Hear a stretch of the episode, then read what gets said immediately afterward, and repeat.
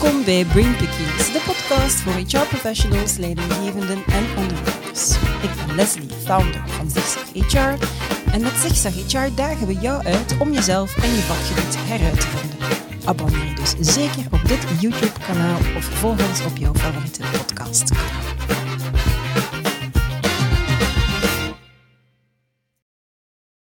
Hoe komt het dat bijna 50 tot zelfs 60 procent afhankelijk van de bron die je raadpleegt van executive hires faalt? Kunnen we het succes en impact van leiderschap voorspellen? Waarom zit er zo'n groot verschil tussen de manier waarop een young graduate en een senior executive aangeworven worden? En is HR eigenlijk een topic van de raad van bestuur? Voor een antwoord op die vragen kruip ik deze keer in het hoofd van Wout van Impe, partner en director bij Mercury Urval, en in dat van Nicolas Allaerts, eveneens partner bij Mercury Urval en globaal verantwoordelijk voor de Service Line Leadership Assessments. Dit is de derde en jammer genoeg de laatste aflevering in een reeks van drie over leiderschap en deze keer zoomen we in op predictive leadership. Heel benieuwd. Dag heren. Goedemiddag. Alles goed met jullie? Nog altijd. Ja, er zit iemand bij deze keer. Yes, inderdaad. Dag Nicolas, met een S was heel belangrijk. Absoluut, en bedankt om mij hier uit te nodigen. Dat is met heel veel plezier. Ik heb het ook bij eh, de vorige twee podcasts gezegd. Ik vind echt de locatie wel fijn. Hè? In het centrum Ja. van Brussel en dan toch dat groene. Ik hoop dat jullie dat echt effectief elke keer nog zien. Absoluut. Net zoals ik het zie en Ja. er blij van word. Ja, en het is ook heel leuk om het doorheen de seizoenen te volgen. Hè. In de lente zijn er heel veel andere kleuren dan in de zomer bijvoorbeeld. En nu komt de winter, eh, de Ja. herfst en de winter eraan. Dus we gaan weer heel wat andere kleuren en, eh, en uitzichten hebben. Dus altijd fijn om hier te vertoeven. Super, mooi. We gaan erin vliegen. Mhm. Goed. Oké, dus ik, ehm, ik gaf het al aan. Ik denk dat ik mij in eerste instantie waarschijnlijk een stukje tot eh, jou zal eh, richten, Nicolas. Ehm, er zit een groot verschil tussen de manier waarop we een young graduate, een junior profiel en een senior executive ehm, aanwerven. En ik haal dat onder andere dan uit een, een open brief die jullie CEO Richard Moore schreef. Say goodbye to failed leadership appointments. Welke verschillen zijn dat dan precies? Ja. Ehm, ja, ik denk dat, dat heel veel mensen kunnen, kunnen zien dat als er een young graduate wordt aangeworven bij een bedrijf, en het is veel, vaak een, een large corporate, eh, misschien ben je zelf zo aangeworven of heb je kinderen die zo doorheen dat proces zijn gegaan, dat die heel vaak een grote testbatterij moeten, eh, moeten doorlopen. Dat gaat over profiling, testen die ze moeten doen, cases die ze moeten doen, soms waar ze, bij, waar ze tegen elkaar worden uitgespeeld. Ik heb bijvoorbeeld een aantal van de grote Bel 20 bedrijven in België, die hebben young graduate programs. Eh, en dat is een proces van soms tot twee dagen, eh, waar je als young graduate bezig bent om effectief aangeworven te worden. Dus je bent twee dagen tijdsinvestering om aangeworven te worden, eh, met een hele testbatterij van allerlei tools, psychometrics, profiling die erbij komt kijken. Ehm, en als je dan gaat kijken naar hoe dat een, een senior executive, een leader in een bedrijf wordt aangeworven, is dat toch nog altijd vaak een gesprek in de boardroom, één of twee gesprekken. Die persoon die brengt dan in zijn rugzak of haar rugzak Ja. het juiste cv mee, de juiste credentials, misschien een aanbeveling van een executive search consultant. ehm, en die heeft voor een aantal ronkende namen misschien in de industrie gewerkt. Eh, wat wordt daar dan nog aangeplakt? Eh, een, een beschrijvend, een descriptief persoonlijkheidsassessment, eh, waarbij dat de persoonlijke leiderschapsstijl van die leider wordt beschreven, vaak als een extra verkoopstoel om die persoon bij dat bedrijf binnen te loodsen. Dus je ziet eigenlijk het, het onevenwicht, waar je als young graduate een hele testbatterij, heel in de diepte, waar dat vaak heel veel research ehm, en wetenschap achter zit, eh, wordt gebruikt. En voor senior leaders in een bedrijf eh, is het vaak toch gewoon nog altijd een eh, ja, ons kent ons. Ons principe, ja. en we hebben de juiste naam op de cv staan. Of ik zat net in de Rolodex van de Executive Search Consultant.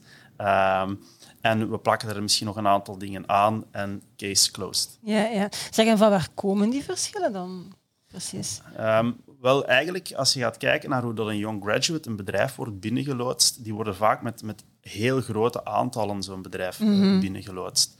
Ehm, en dan is het heel makkelijk om scalable een of andere Ja. eh, hippe tool te maken of een programma te ontwikkelen. En dat is, dat is ook heel fijn om te doen, gewoon zo'n heel programma ontwikkelen. Nu, voor senior leadership, dat is vaak ad hoc. Eh, zo werft een bedrijf er geen, geen tien aan op een jaar.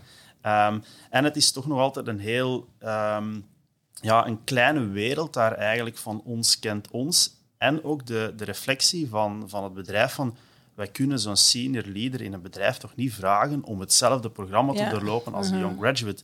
Wie zijn wij om te vragen dat die twee volledige dagen zou spenderen aan kijk eens naar dat cv, kijk eens naar die ronkende namen die daar op dat cv staan. Dat kunnen we gewoon niet maken. Ehm, en eigenlijk eh, ga je er zo van uit dat gewoon op basis van cv en credentials en kennissennetwerk zo iemand het bedrijf wordt binnengeloodst. Ja. Zeg, en welke impact hè, heeft dat dan op, op de succesrate in het aanwerven en promoveren van senior executives? Als ik u dat nu hoor vertellen, heb ik daar wel al een aantal bedenkingen bij. Ja, Mm. Eh, ja je gaf het zelf- zelf net aan trouwens. Hè. Ehm, dat er eigenlijk, als je gaat kijken naar onderzoek, en dat is zowel evidence-based onderzoek als surveys die gedaan zijn door onze conculega's, door eh, vakmagazines zoals Harvard Business Review, maar ook door academisch onderzoek eh, en meta-onderzoek. Als je gaat kijken naar wat de succesrate is van ehm, het binnenhalen van dergelijke senior managers, directors, leaders bij bedrijven, ligt die ergens tussen de 40 en de 60 procent succesrate. Eigenlijk is dat ongeveer hetzelfde als dat je een munt omhoog zou gooien en je kijkt op welke kant hem landt, gaan we die persoon binnenhalen of niet. Dus het is, Ja, eh, ja. En dat is eigenlijk redelijk chockerend. Ehm, en als je gaat kijken naar al die onderzoeken de afgelopen jaren, eh, dan worden die resultaten constant gereproduceerd. Dus ergens tussen de 40 en de 60 procent Ja. faalt binnen de eerste 18 maanden om te doen waarvoor men werd aangeworven. Ehm, ik herinner me nog heel goed, want we waren eigenlijk met dit... ehm, met ons leadership assessment bezig om dat intern uit te rollen en, eh, en eerst de pilot cases en iedereen op te leiden daarin.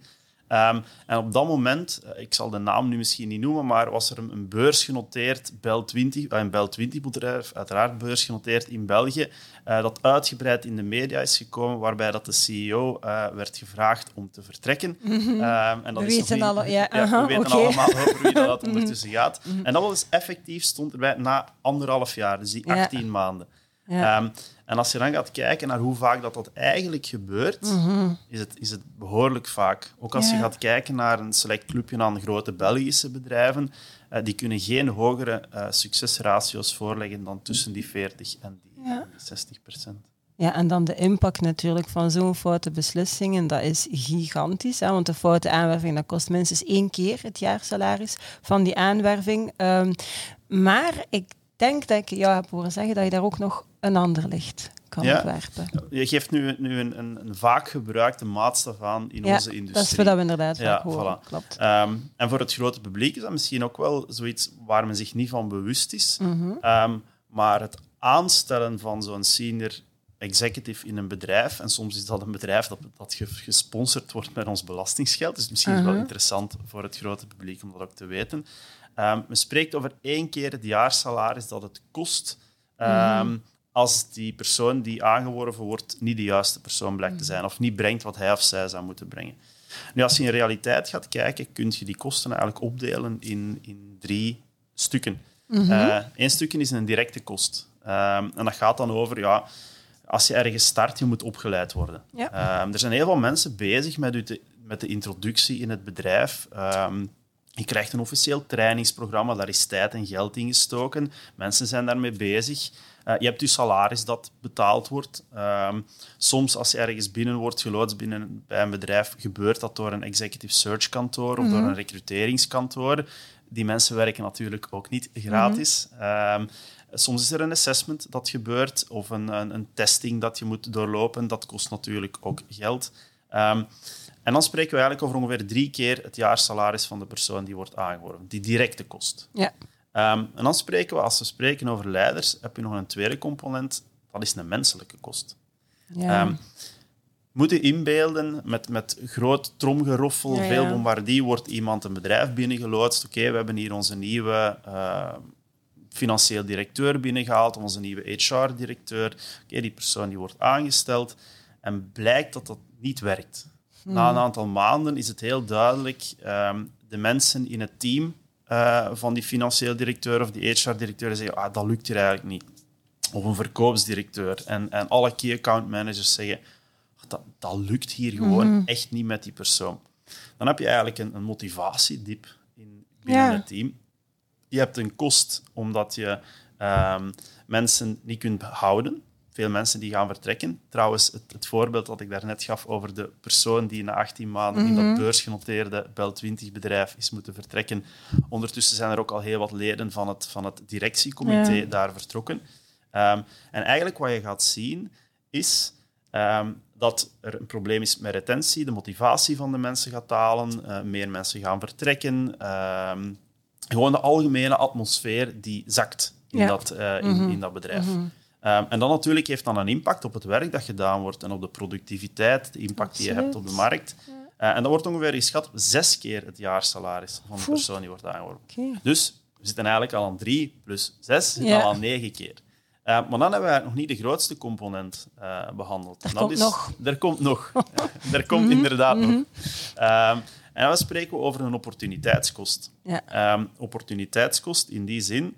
ehm ja, je moet eens inbeelden, stel je voor, groot bedrijf in België, die halen een nieuwe verkoopsdirecteur binnen. Oké, wat is het doel van die verkoopsdirecteur? Wij willen gaan uitbreiden naar het Midden-Oosten of naar Azië, of wij willen nieuwe producten in de markt gaan zetten, of wij moeten onszelf gaan heruitvinden, want onze markt is veranderd. En deze persoon die moet ons speerpunt worden in die nieuwe markt, die moet heel de teams meenemen in die markt.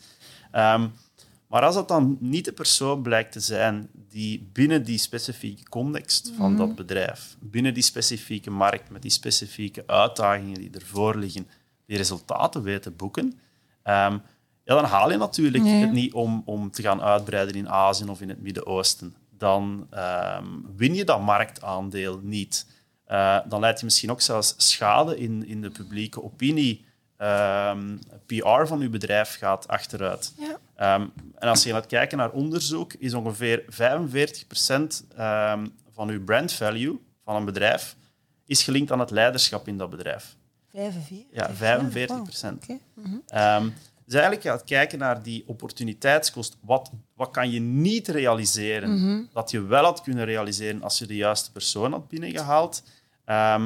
En we nemen nu het eerste, het tweede en het derde pijler bij elkaar, dus die drie plus die zes plus, dan zitten we ongeveer 30 keer eh, het salaris van de persoon die wordt aangeworven. En dat is consequent dat dat in onderzoek, opnieuw weer academisch onderzoek, eh, maar ook surveys die worden uitgevoerd. Onlangs nog eh, van, een, van een heel grote groep van CFO's binnen bedrijven een survey uitgevoerd, die opnieuw dat bevestigt. Eh 30 keer het jaarsalaris van de persoon die wordt aangeworven. Ja. En we spreken vaak over hoe schandalig het is dat die topleiders zo'n grote salarissen eh, binnenhalen. Maar als ze dan ook weten dat het 30 keer dat salaris kost aan het bedrijf, aan de bottomline van dat bedrijf, Van om de foute persoon binnen te halen, dat is een gigantische kost. En voor sommige bedrijven is dat zelfs tot de helft van de, de operationele winst dat er Die naar die, verloren gaat, die eraan ja. verloren gaat als het over een CEO-aanwerving gaat. Oké, kwestie van even setting the scene en de pijn concreet te maken. Dat heb je bij deze, Nicolas, heel Mhm. Ja. goed gedaan. Voilà. Wat loopt er dan precies fout in, in, in dat proces? Wa- Dat er, dat er zo een grote error hè, is, eh, ehm, dat, dat profielen eigenlijk die de grootste impact zouden moeten hebben in een organisatie, dat, dat dat daar compleet Ja. fout loopt. Ja, ik ben eigenlijk al mijn verhaal begonnen daarnet met, met een van die punten bloot te leggen. Eh, hoe komen mensen in zo'n proces Ja. terecht? Dat is al een eerste, een eerste fout. Hoe, hoe, hoe, verloopt inclusie in het, in het op de radar komen van een potentiële nieuwe werkgever? Ehm, en dat is ook heel vaak al gericht op de juiste vorige werkgevers op je cv hebben staan, ehm, de juiste mensen kennen, een of andere titel ergens hebben gewonnen, etc. Dus al die dingen die leiden ertoe dat, dat, dat je zo op de radar komt van een potentiële nieuwe werkgever. Ja, En vaak is dat dan via een tussenpersoon die u daar introduceert. ja. Ehm, en als we dan verder gaan kijken, eh, dan heb ik ook beschreven hoe dat de beslissing wordt genomen om die persoon effectief ook binnen te halen. Ehm, en hoe dat die beslissing eigenlijk gefundeerd is op, op te weinig data, Ja. op te weinig gegevens, op te weinig wetenschap, om effectief te kunnen gaan voorspellen, gaat die persoon in die specifieke context, die specifieke context van die nieuwe werkgever, in de markt waar dat die nieuwe werkgever opereert en actief is, gaat hij daar effectief de dingen kunnen doen dat er van hem of haar wordt verwacht. ja.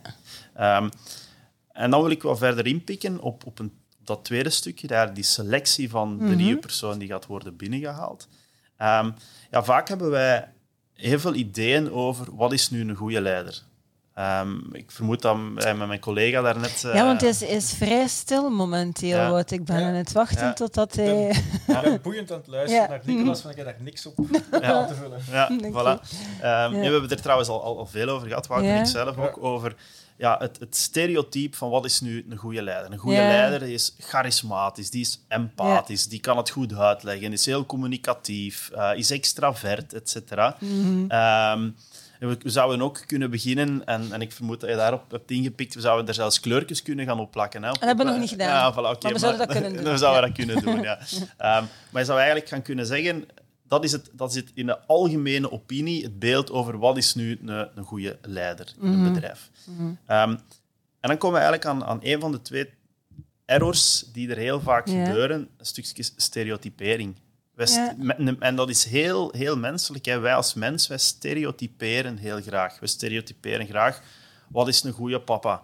Uh, wat is een goede leider? Uh, hoe moet je je gedragen in een bepaalde context? Uh, wat is een goede dokter? Allee, dus wij stereotyperen heel graag en we plakken heel graag labeltjes ergens op. Ja. Omdat we dan heel makkelijk mensen in dat hoekje kunnen zetten mm -hmm. of dat hoekje kunnen zetten. Maar wat we heel, heel vaak vergeten, is dat elke context heel specifiek en heel uniek is. En daar kom ik zelfs sowieso nog op mhm. terug. Maar dat is een van de, van de errors die er gebeuren. Een van de twee voornaamste fouten die dat er gebeuren, is die stereotypering. Het one size fits all principe. Dat is goed leiderschap en we, we, we, zeggen dat dat in elke organisatie goed leiderschap is. Mhm. Zonder te kijken naar de unieke context van die organisatie of waar dat die organisatie mee bezig is, wie dat hun klanten zijn, wie dat de klanten van hun mhm. klanten zijn, wie dat hun, hun competitors op de markt zijn. We gaan gewoon zeggen, binnen elk bedrijf, dit is goed leiderschap. Ja, maar daar hebben we het inderdaad in de vorige podcast al uitgebreid over het belang van die context, ja, effectief. Voilà. Ja. En het is ook, ook het evenwicht vinden. Modellen en concepten zijn zeer belangrijk om woordenschat te geven aan de complexiteit. Dus wij zijn zeker absoluut fan, en ik denk dat dat zeker een toegevoegde waarde heeft om op een bepaald moment modellen te gaan gebruiken. Mhm. Maar je moet daar slim mee omgaan met modellen. Op het moment dat dat naar stereotypering gaat, en of het nu geel, groot, groen, zo de, de dingen, we hebben hier al vier rode in ons directiecomité, dus nu moet daar een groene en blauw in. Dat is een van de key errors die er kunnen mhm. zijn. Maar het gaat ook verder dan dat, hè. zoals Nicolas ook zegt, servant leadership, shared leadership. Mhm. Heel veel leadership concepten, daar zit een soort, daar zit een ideologische onderbouw aan. Maar als wij gaan zeggen, als, laten we zeggen, als raad van bestuur, directie, CEO, ah, wij, zijn, wij gaan voor servant leadership, dus wij willen hier een servant leader hebben per definitie ga je heel wat potentiële goede leiders eigenlijk uitsluiten. Want je gaat ook heel ideologisch gaan kleuren, terwijl we weten uit onderzoek dat er zeer weinig verband is tussen persoonlijkheid mhm. en leiderschap. Het is resultaat en context wat bepaalt wat een goede leider is. Hè? Dus je kan, zoals, zoals Nicolas zegt, tot heel verschillende opvoedingsstijlen hebben, maar toch zijn dat twee fantastische vaders. Mhm. Zo kan je ook leiders hebben met een heel verschillende stijl. Absoluut. Maar die zijn, dat zijn alle twee zeer sterke en goede leiders. En we spreken hier natuurlijk binnen het spectrum van sociaal aanvaard gedrag. We spreken er mhm. niet over de uitersten, we spreken er niet over een gevangenispopulatie en dergelijke meer. Over normaal gedrag kan je geen... En die stereotypering, ja, die, die zorgt voor een, een ja, blinde vlekken op selectie. Ja, en het feit dat het niet eh, inclusief gebeurt, omdat je per definitie inderdaad mensen uitsluit. Dat was de eerste error, de stereotypering. Er waren er twee, had je gezegd. Ja, en bedankt Wout trouwens voor de aanvulling. Um, want dat is inderdaad, wat er, ik wil toch nog eventjes die stereotypering vastnemen, mm -hmm. voor het naar een tweede ga. Um, wat je doet in die stereotypering is per definitie mensen in, in een hokje zetten. Mhm. Die beantwoordt aan die criteria van die leiderschapsstijl die bestempeld wordt als goed. Dus dat is een goed leider. Ja, die beantwoordt aan een aantal criteria die niet worden bestempeld als goed. Ah, oké, dat gaat geen goed leider zijn. Maar we hebben niet naar, naar de context gekeken. Ehm, punt 2, of, of, de tweede error die wij eigenlijk heel vaak zien, en dat is eentje die trouwens niet alleen in, in, ehm, in selectie van leiders naar voren komt, hè. die komt in heel verschillende domeinen van onze maatschappij naar voren, maar dat is met een Engelse term noise of subjectiviteit. Okay. Ehm, En Is dat dan noise ruis? ja, ruis, Ja, absoluut. Mhm. Dus Ja. ruis. En er is een super interessante boek eh, uitgekomen dit jaar, eh, Noise, eh, of, Ruis, als je het dan in het Nederlands zou gaan vertalen, van Daniel Kahneman. Oké. Ja, dus een, Nobel Prize winner, dus een ja. Israëlische behavioral scientist, een psycholoog, ook een, een professor. Ehm, en die heeft eigenlijk zijn hele leven gewijd aan het onderzoeken van ruis en subjectiviteit. Om een bepaald voorbeeld te geven, ehm, in het, eh, een groot onderzoek dat hij heeft gedaan is in het, in het Amerikaanse eh, juridische systeem. Eh, en hij heeft een heel groot onderzoek gedaan ehm, naar uitspraken van rechters eh, die moesten beoordelen of, of iemand al dan niet naar de gevangenis moest gaan of een, een geldstraf werd opgelegd. Ehm, en een van de, een van de dingen die, die mij is bijgebleven, dus een sprekend voorbeeld, is als, je, als je voor de rechtbank moet verschijnen.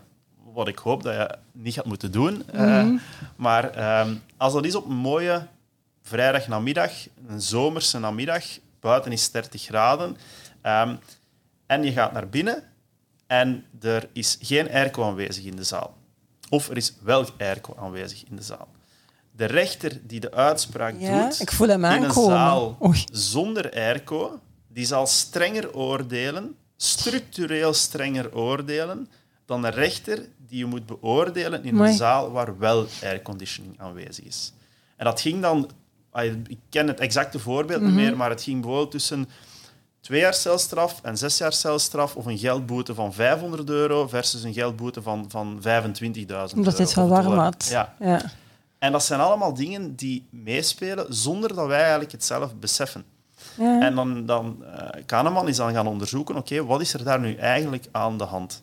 Ehm, en als je gaat kijken, is er geen methodiek, geen heel strikte methodiek waarop dat rechters in het US legal system hun uitspraken gaan doen. Dus zij moeten niet scoren, bijvoorbeeld, van een aantal criteria scoren om een straf uit te spreken. Zij, zij doen dat op basis van de ervaring eh, die zij hebben als rechter Dus extreem subjectief.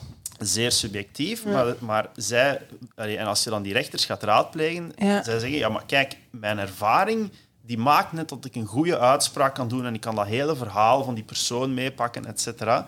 Ehm, dan hebben ze een andere survey gedaan, eh, en dan ga ik stoppen met over die surveys te spreken. Ehm, maar dan hebben ze eigenlijk een heel aantal rechters eenzelfde case op papier laten bekijken Ja. een, een hypothetische case op papier.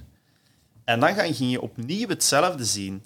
Dus afhankelijk van de rechter die die case las, werden er heel verschillende uitspraken gedaan. En dan hebben ze die rechters eigenlijk laten, laten scoren, echt een methodiek laten gebruiken Mhm. Ja. om uitspraak te doen. Dus ze moesten een, bijvoorbeeld een lijst van 15, ik weet het niet meer exact, maar 15 criteria gebruiken. En op basis van die criteria, die dan gewogen werden, werd er een uitspraak gedaan. En dan zag je eigenlijk dat die rechters veel dichter bij elkaar gingen liggen in de uitspraak die er gedaan werd op die hypothetische case. Dat is eigenlijk ruis in menselijke beslissingen. En die komt ook zeer sterk terug als je gaat kijken naar het aanwerven van, van leiders binnen bedrijven.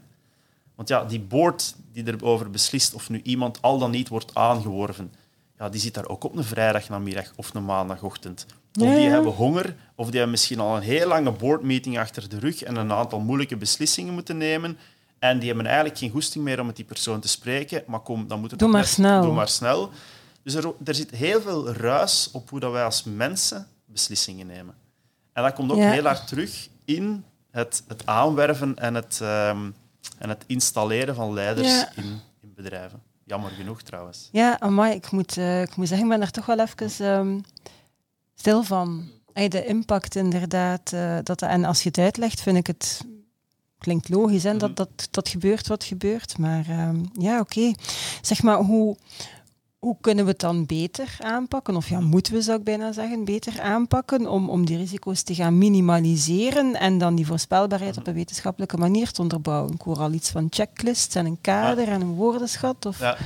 Ehm, ja, eigenlijk wat we moeten doen is die twee errors die, ehm, die we hier hebben besproken, die moeten we gaan, gaan bevechten. Ja. Met alle wapens die we, die we voorhanden Mhm. hebben. En wat zijn dan de wapens die we eigenlijk voorhanden hebben om die errors te gaan bevechten?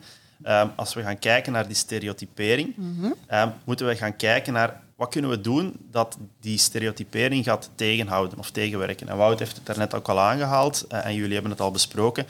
Context. Ja. Context is oh zo belangrijk. Resultaat en de context in de welke dat een resultaat wordt bereikt. Mhm.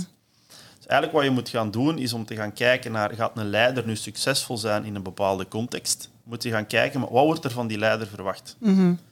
Ik geef een voorbeeld. Ehm, opnieuw, ah, we willen gaan uitbreiden in het Midden-Oosten als bedrijf. Of ehm, je kunt zeggen, oké, de, de, de kabeltelevisie is dood in België. We moeten opeens met een, digitaal, een digitale offering komen. Ja, dat is bijvoorbeeld iets wat dat in België natuurlijk jaren terug gebeurd is. Ehm, maar wat is het resultaat dat er moet worden neergezet door de persoon die wordt aangeworven? Ja. En in welke context eh, gebeurt dat? En met resultaat bedoel ik echt wel heel specifiek. We moeten die omzet in die regio met 30% omhoog halen. Of we moeten ervoor zorgen dat we vijf nieuwe bedrijven kopen met die en die en die specifieke competenties. Eh, en dat gebeurt op korte termijn resultaten, op lange termijn resultaten en in een bepaalde context. En als we dat heel duidelijk gaan vastleggen, die resultaten verwachten we in die specifieke context, dan kunnen we ook gaan kijken naar wat zijn nu de indicatoren die we moeten terugvinden Ja. als we naar, naar zo'n leider gaan kijken, wat zijn de specifieke indicatoren, geënt op die context en op de resultaten die we moeten terugvinden, om te gaan voorspellen of, Of dat, dat die persoon succesvol effect- gaat Ja, inderdaad. Of dat die persoon succesvol gaat zijn in die context. En, en ook om dat, om dat wat breder te zien. Eh, bedrijven gebruiken heel graag HR-modellen die ze global kunnen uitrollen. Mhm. Of global of gewoon binnen een Belgische setting hè, kunnen uitrollen. Want dat, één, dat, is, dat bekt goed. Dat Mhm. geeft een model, dat is plezant om uit te rollen. dat makkelijker maakt- Dat is praten makkelijker ook, ja. praten en dergelijke meer. Maar dan heb je enerzijds die modellen die dan bevatten die 10, 15 behaviors of competenties, of hoe dat je Mhm. het ook wilt noemen. Maar we zien ook uit onderzoek dat voor die, voor die selectie zijn er altijd maar drie tot vijf. Er zijn maar enkele dingen die er in feite toe doen. Ja. En dat is het verschil tussen predictief en, en, en descriptief. Je kunt natuurlijk assessments doen of, of een selectie gaan doen van kijk, dit is die persoonlijkheid, leadership persoonlijkheid, Mhm. met heel de beschrijving ervan. Maar van heel die beschrijving zijn er eigenlijk 80% is relevant. Ja. Een beetje zwart-wit. Wat zijn nu die dingen die er wel toe doen, die er voorspellend zijn? En dat betekent eigenlijk, om aan te vullen wat Nicolas zegt, dat je eigenlijk bij iedere selectie zou je eigenlijk opnieuw je leadership model moeten maken. Elke keer opnieuw ga je bepalen, wat zijn nu die criteria voor deze context, Mhm. die job met die verwachte afdeling, met die verwachte resultaten in die afdeling, eventueel zelfs in dat land, die maken dat die daar succesvol zijn. En Ja. wat, wat voor die persoon in die afdeling dat land is, zal niet Ja. gelden Mhm. voor een andere afdeling of een ander verdiep of een ander team in, die, in een andere organisatie. Ja, klopt. Dus je moet dat iedere keer opnieuw gaan herdenken. Maar telkens met die dingen die er echt toe doen. Dus wat zijn de dingen die voorspellen en wat zijn Mhm. de dingen die gewoon nice to know zijn, intellectueel interessant, die beschrijven Maar hoe die dat niet succes maar die niet het eh, succes gaan voorspellen. ja, ja. Ja. Oké, en, en dan het excuus dat dan gaat opgehogen, maar dat is te duur, we hebben geen tijd. Dan denk ik van, je moet een keer met Nicolas praten. Ja. Want dat is nog veel duurder. Hè? ja. Ja, Maar ja. dat is inderdaad, als je het kunt kwantificeren, wat is nu Ja. echt, en als je kijkt naar die 30 keer de kost van dat salaris, als je dan wat meer tijd, zorg en, en wetenschappelijke onderbouw gaat besteden Ja. aan de juiste beslissing maken, ja, dan vermijd je dat je die 30 keer dat jaarsalaris gaat weggooien. Hè. Mhm. En als je gaat kijken naar wat Wout ook aangeeft, een heel beschrijvend ehm, iets van iemand. Dus ik, Mhm. je zou dan een persoonlijkheidsassessment kunnen doen van iemand en daar komen dan 30 pagina's uit en die zijn helemaal volgeschreven. Maar dat is, dat is een beetje like een horoscoop. Als je maar genoeg schrijft, dan gaat Zal er wel iets kloppen, hè? dan zal er Ja. ergens wel iets gaan, gaan kloppen. Ehm, en dat is echt waar wij wil, willen tegen, tegen vechten Ja. of, of waar we willen voor waarschuwen. Van kijk, ja, dat, is, dat is misschien heel mooi en dat is vaak ook in een heel mooie tool en layout et cetera, gestoken. Ehm, maar de predictieve waarde daarvan Ja, is eigenlijk, is eigenlijk heel, heel laag. Ja. ja. oké. Ehm, Zijn dat dan, want je zei, ah, je moet die twee errors weghalen. Ik denk dat er nu één Ja. weggehaald is. yes. De tweede dan? Ja, dus die, eh, die ruis, ruis, weghalen. ja. Eh, ik heb er al, al een, een, een hint gegeven naar hoe heeft men dat in het, in, getest in het Amerikaanse legale systeem. Dat is eigenlijk om, om de methodiek te gaan gebruiken. Mhm. Een heel strikte, rigoureuze methodiek die je keer op keer opnieuw repliceert om ervoor te zorgen dat je die ruis zoveel mogelijk gaat onderdrukken. Ehm, die ruis van je persoonlijke denkbeelden, hoe dat je op dat moment voelt, eh, welke dag dat het is, eh, of dat de persoon tegenover u ehm, u aanstaat of niet. Ja, ja. noemen ze dan affi- affinity bias. ja, absoluut. Ehm, als ik mij een beetje in u kan terugvinden of ik herken een aantal dingen van mezelf in u, dan ga ik, ga ik Ga meer sympathieker vinden, hè, ja. Dan ga ik u veel toffer vinden dan dat ik denk, oh, die is helemaal anders dan mij. Ehm, en door een methodiek te gaan toepassen, constant die methodiek Mhm. gaan te herhalen en die in elke situatie opnieuw diezelfde methodiek te gaan gebruiken, gecombineerd met het kijken naar de uniekheid van elke context, Mhm. dan ga je tot, tot resultaat komen. Dan gaat u, gaan uw voorspellingen die je gaat doen, of, of iemand succesvol gaat zijn of niet, Ja. dan gaan die zeer, zeer hoog zijn. Dan kun je die eigenlijk tot, tot meer dan 90 procent, Wauw. soms zelfs meer dan 95 procent correct eh, krijgen. En nu sprak ik daar straks over het jaarsalaris van, van, van iemand aanwerven eh, en een foute beslissing maken 30 keer. Maar je moet je inbeelden dat je dat vijf keer doet in je managementteam. Jezus, ja. Eh, en en ja, dat, de kost daarvan is, is gigantisch. Mhm. Eh, de menselijke kost, ook voor de persoon die in die context terechtkomt Ja. en die niet succesvol is. Mhm. Dat is eigenlijk een, een menselijk drama. Hè. Dat is een deuk in je ego. Ehm, ja, het, is daar niet gelukt. Eh, aan wat ligt dat? En, en, en dat is een menselijk drama dat je eigenlijk ook kunt vermijden. Ja. Eh, dus dus die, die juiste beslissing die werkt in twee richtingen. Dat is niet alleen naar een werkgever toe, maar dat is ook voor de potentiële leider die daarin terecht gaat komen. Dan zeg je, kijk, dit gaat voor u niet werken. ja, Om die en die en die reden. en dat is een cadeau, als je En dat, is kunt een zeggen. cadeau. Ja, en je moet dat wel, natuurlijk ja. mooi verpakken, Ja, ja. eh, maar Mhm. je moet dat wel transparant en open kunnen zeggen. En toelichten. En vaak heb je dan ook mensen die achteraf terugkomen en zeggen: Kijk, ik ben iets anders gaan doen, dat lukt goed, maar ik ben u heel dankbaar voor het advies Mhm. dat je me toen hebt gegeven om die rol niet op te nemen. Oké, heel, heel helder. Ik heb de indruk dat we nu een compleet andere kant gaan opgaan met mijn volgende vraag. Omdat we, ja, het is bijna een zijweggetje en ik ga dan daarvoor naar jou kijken, denk ik, eh, Wout. Ehm, de rol van HR in de raden van bestuur, hè, wil ik het ook graag eh, over hebben. Kom, komen HR en leiderschap daar dan überhaupt wel genoeg aan bod? Als ik hoor met welk ehm, gemak, ga ik het even noemen, soms beslissingen genomen worden.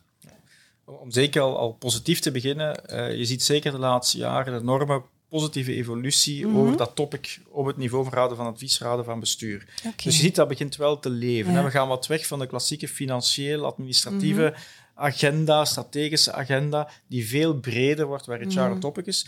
Maar het is ook weer, zoals overal, heel veel verschillend van, van raad van bestuur. Ja. Het raad, bij raden van bestuur waar er echt een topic is, iedere keer opnieuw, Mhm. leadership en dergelijke meer. En HR in het algemeen. En andere waar dat al absoluut geen topic is. Nu, Mhm. we veranderen positief en dat komt ook door de sociaal-economische context. Hè. Ja. Laten we zeggen, de digitalisering speelt daarmee, hyperconcurrentie, ook de war for talent, hè, die al Dat jaren bezig staan. is, die onder druk staat. Dus ik Mm. geloof nooit dat iedereen nu het licht heeft gezien en dat het, laten we zeggen, een halleluja-beslissing is. Ah ja, maar we zouden nu toch wel eens wat meer tijd... Nee, het is gewoon puur sociaal-economische druk dat raden van bestuur beseffen, als we dat niet doen, verliezen we geld. Hè. Daarover gaat het. Hè. Ja. Eh, maar dat wil niet zeggen dat, dat waarvan ik denk en overtuigd en hoop dat het ook een structurele verandering is. Eens dat raden van bestuur zien dat het als een topic Mhm. doet, dan gaan ze ook zien dat ze als raad van bestuur ook veel meer impact kunnen hebben, juiste impact op een organisatie. Hè. Dus dat is zeker positief. Hè. En wat zijn dan de, de, de topics die, die aan bod kunnen mogen? Eigenlijk zijn er drie grote domeinen. Hè. Dat gaat enerzijds over wat wij noemen de casting. Hè. Dus, het talent aantrekken. Welk talent hebben wij nodig? Hè? Waarom zouden mensen de huidige organisatie verlaten om bij ons te komen Ja. werken? Dat is geen operationele vraag. HR operationeel moet daarmee bezig zijn, maar ik vind dat een key strategische vraag Mhm. voor een raad van bestuur. Wat is de reden waarom dat talenten hun huidige werkgever verlaten? Heel die implementatie ligt natuurlijk niet bij de raad van bestuur, Mhm. maar die reflectie, dat moet wel Die- die scherp en helder ja. zijn. Als je aan sommige bestuurders die vraag stelt, dan zeggen ze, nog nooit over nagedacht. Hè. Dus waarom zou dat niet moeten doen? Wat betekent leiderschap? Welk leiderschap willen wij hè, voor de komende jaren? Veel ook vanuit de Fit for the Future vraag. Mhm. Onze leiders van vijf jaar geleden zijn misschien niet noodzakelijk de leiders die onze organisatie naar de volgende eeuw of de volgende vijf jaar moeten gaan leiden. Welke van onze leiders zijn fit for the future? Wat gaan we daar dan mee doen? Hoe kunnen we die ontwikkelen? Wat doen we met degenen die daar niet meer aan beantwoorden? Mhm. Succes van het verleden voorspelt geen succes voor de toekomst. En wat betekent dat dan, fit for the future? Wat is dat voor? Wat, welke noden hebben wij op leiderschapsvlak vandaag in onze organisatie die we eigenlijk niet hebben? Welke capabilities missen we en hebben wij wel, wel nodig? En dan ten derde, en dan kom ik, link ik ook met het verhaal met Nicolas, hoe gaan we die dan, hoe gaan we die dan kiezen? Ja. Hoe gaan we dat selectieproces doen? Wie speelt daar welke rol in? Om ervoor te zorgen dat we die andere antwoorden kunnen doen. Dus dat is het eerste. Dus Wat we dan noemen, gewoon noemen de casting. Hè. Tweede is, is capabilities. Alles wat talent, change, cultuur, ontwikkeling, talentmanagement. Hè. Hoe houden wij ons talent en dergelijke meer. Um, dat is absoluut een, klassieker in HR. Hoe gaan wij onze mensen ontwikkelen?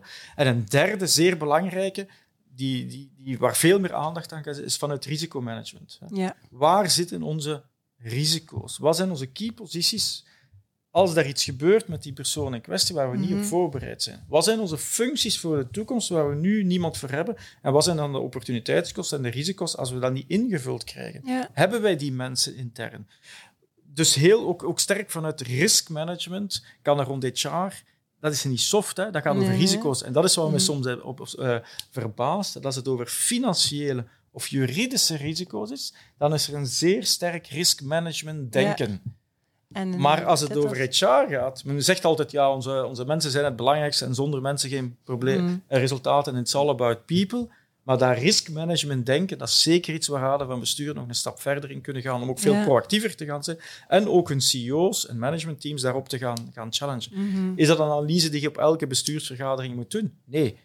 Maar je zou dat toch, van zeker hoe snel vandaag alles verandert, denk ik dat je risico's toch eens elke half jaar, of dat hangt van case tot case, een keer tegen het licht moeten houden. Ja.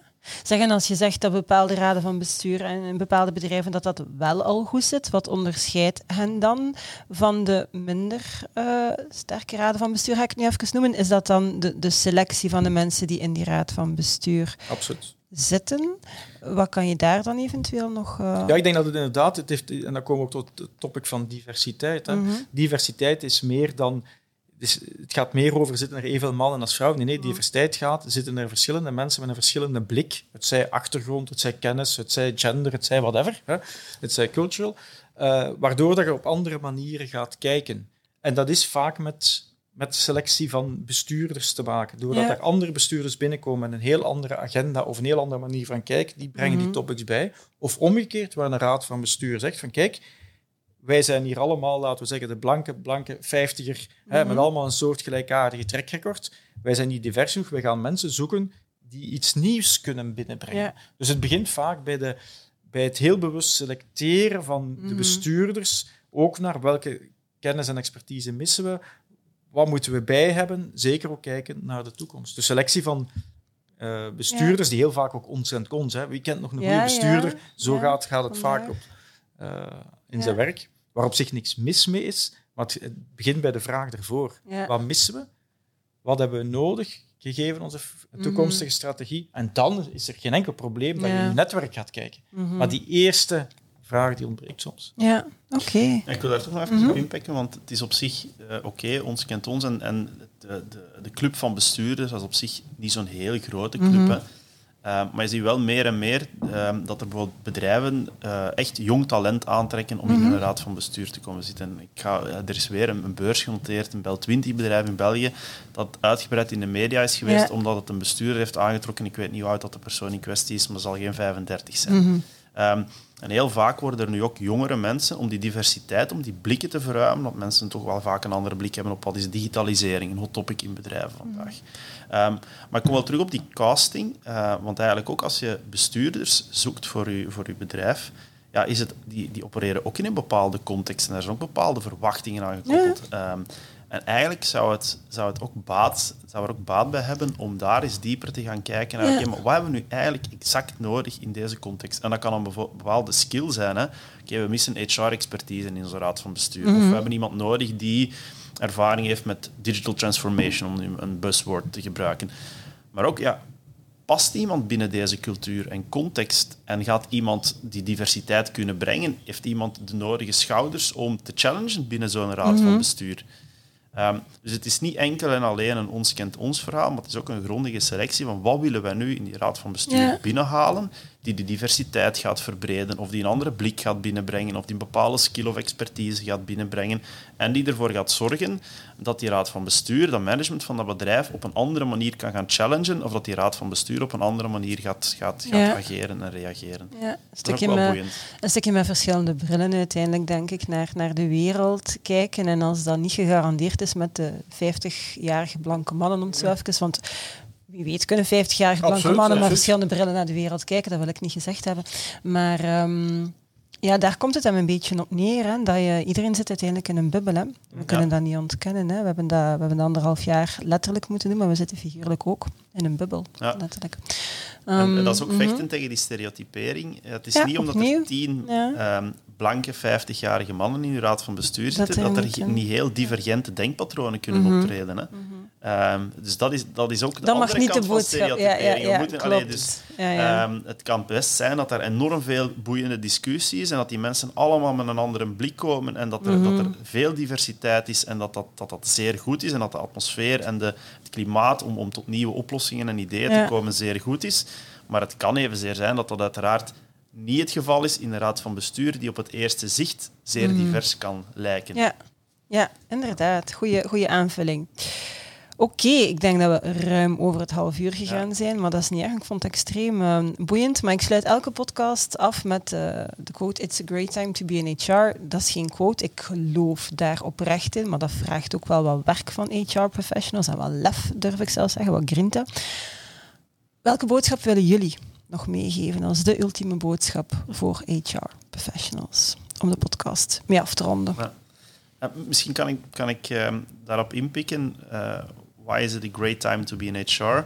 Voor mij persoonlijk is dat eigenlijk, eh, als ik rondkijk ook, omdat HR nu echt gedwongen wordt meer en meer om wetenschappelijk onderbouwd te gaan werken. Mhm. En er is een, een, een veel grotere vraag naar ehm, het wetenschappelijk werken binnen het HR-landschap. Eh, een van onze ministers heeft het eh, afgelopen week of twee weken nog, eh, nog vermeld, denk ik. Ehm, met, een, met een quote van we moeten eigenlijk echt gaan vechten tegen de hypes in het HR-landschap. Maar die wetenschappelijke onderbouwing, evidence-based, wat werkt er nu echt? Mhm. Ja, dat vind ik superboeiend om te zien. En ik vind het ook heel fijn om te zien dat meer en meer bedrijven Ja, er effectief op een heel serieuze manier mee bezig zijn. Ja, dat merken we ook. Dankjewel. Mooi om je af te sluiten. En Wout, je krijgt het allerlaatste Ja. woord. Ik wil een stukje daarop aansluiten. Nog niet zozeer iets, iets meegeven, maar ik denk dat er voor het jaar ongelooflijke opportuniteiten liggen die we moeten grijpen. Als we met kritische blik gaan kijken, wat meer kritische blik, wat meer debatten gaan dit jaar. En we Ja. combineren dat met de opportuniteit van één, alles wat er de laatste jaren verandert, om weer met cliché die VUCA-world, maar in combinatie met COVID, wat een onvoorstelbare opportuniteit is. Ook die waar vertellen. Ik weet dat is een heel grote uitdaging. Bedrijven missen groei door ge- waar vertellen, maar die waar vertellen dwingt ons om als dit jaar enkel die dingen te doen die relevant zijn, hè?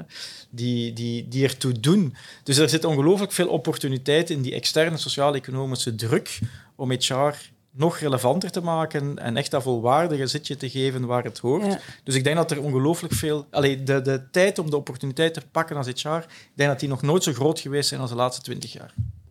Super. Dankjewel dat ik eh, in jullie hoofd mocht eh, kruipen. Een heel heldere uiteenzetting, een heel leuke combinatie van jullie beiden. Dus eh, heel boeiend. Graag gedaan. Merci. Dank je Dank wel, met plezier. Dankjewel ook eh, aan jullie om te luisteren of om te kijken. Ja, ook deze derde aflevering eh, zit erop eh, in samenwerking met Mercury Urval.